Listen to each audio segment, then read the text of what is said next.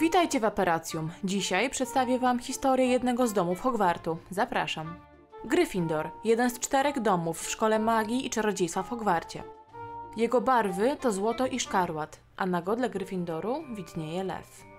Założycielem tego domu był Godryk Gryffindor. Poinstruował on tiarę przydziału w ten sposób, aby wybierała ona uczniów z cechami, które najbardziej cenił, a były to męstwo, odwaga, szlachetność, szczerość, prawość, sprawiedliwość oraz lojalność. Duchem Gryffindoru jest prawie bezgłowy Nick, zwany również Sir Nicholasem.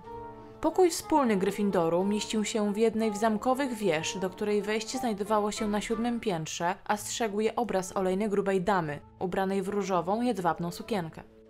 Zezwalała ona na wejście do pokoju dopiero wtedy, gdy usłyszała prawidłowe hasło, które regularnie się zmieniało.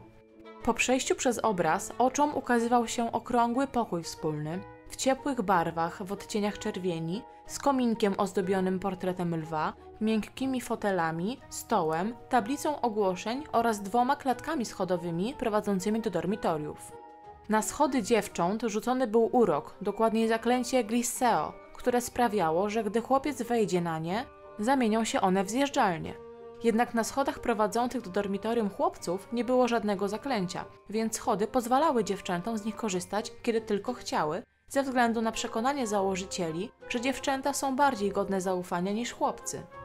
Każde dormitorium wyglądało tak samo. Po środku znajdował się piec, a wokoło niego tyle łóżek, ile lokatorów miał dany pokój.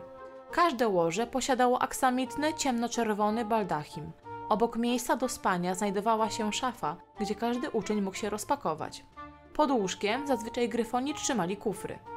W pokoju wspólnym spotykali się wszyscy członkowie Gryffindoru. Odpoczywali tam po nauce, prowadzili spotkania oraz spędzali wieczory. Na ścianach wisiały portrety, z których każdy przedstawiał byłego lub obecnego opiekuna Gryffindoru. Opiekunem domu przed i w czasach Harry'ego Pottera była Minerva McGonagall.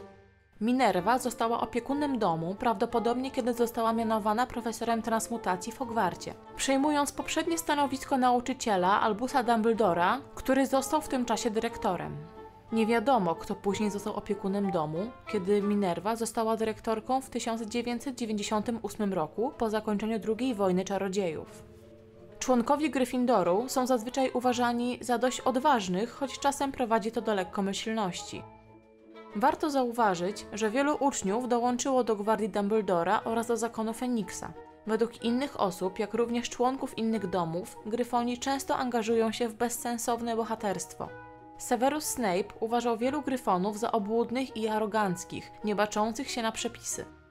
Gryfoni i ślizgoni dzielili zaciekłą rywalizację między domami, odkąd ich założyciele, odpowiednio Godric Gryffindor i Salazar Slytherin, nie mogli dojść do porozumienia w sprawie przyjmowania uczniów mieszanej krwi lub pochodzenia z rodzin mugolskich. Powodem mogła być też zazdrość i poczucie niesprawiedliwości, ponieważ Harry i jego koledzy Gryfoni wygrywali w wielu okolicznościach. Przykładami tego były punkty przyznane w ostatniej chwili przez dyrektora Dumbledora podczas uczty na zakończenie semestru w roku szkolnym 1991-92, co dało Gryffindorowi 10 punktów przewagi nad Slytherinem oraz to, że nie odjęto żadnych punktów za złamanie zasad.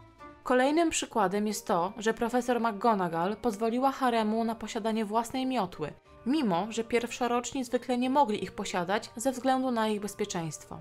Jednak zazwyczaj po stronie Gryffindoru stawały pozostałe dwa domy, czyli Hufflepuff i Ravenclaw. To wszystko, co dla Was przygotowaliśmy. Dajcie znać, czy chcielibyście usłyszeć o reszcie domów i na brodę Merlina dajcie łapkę w górę.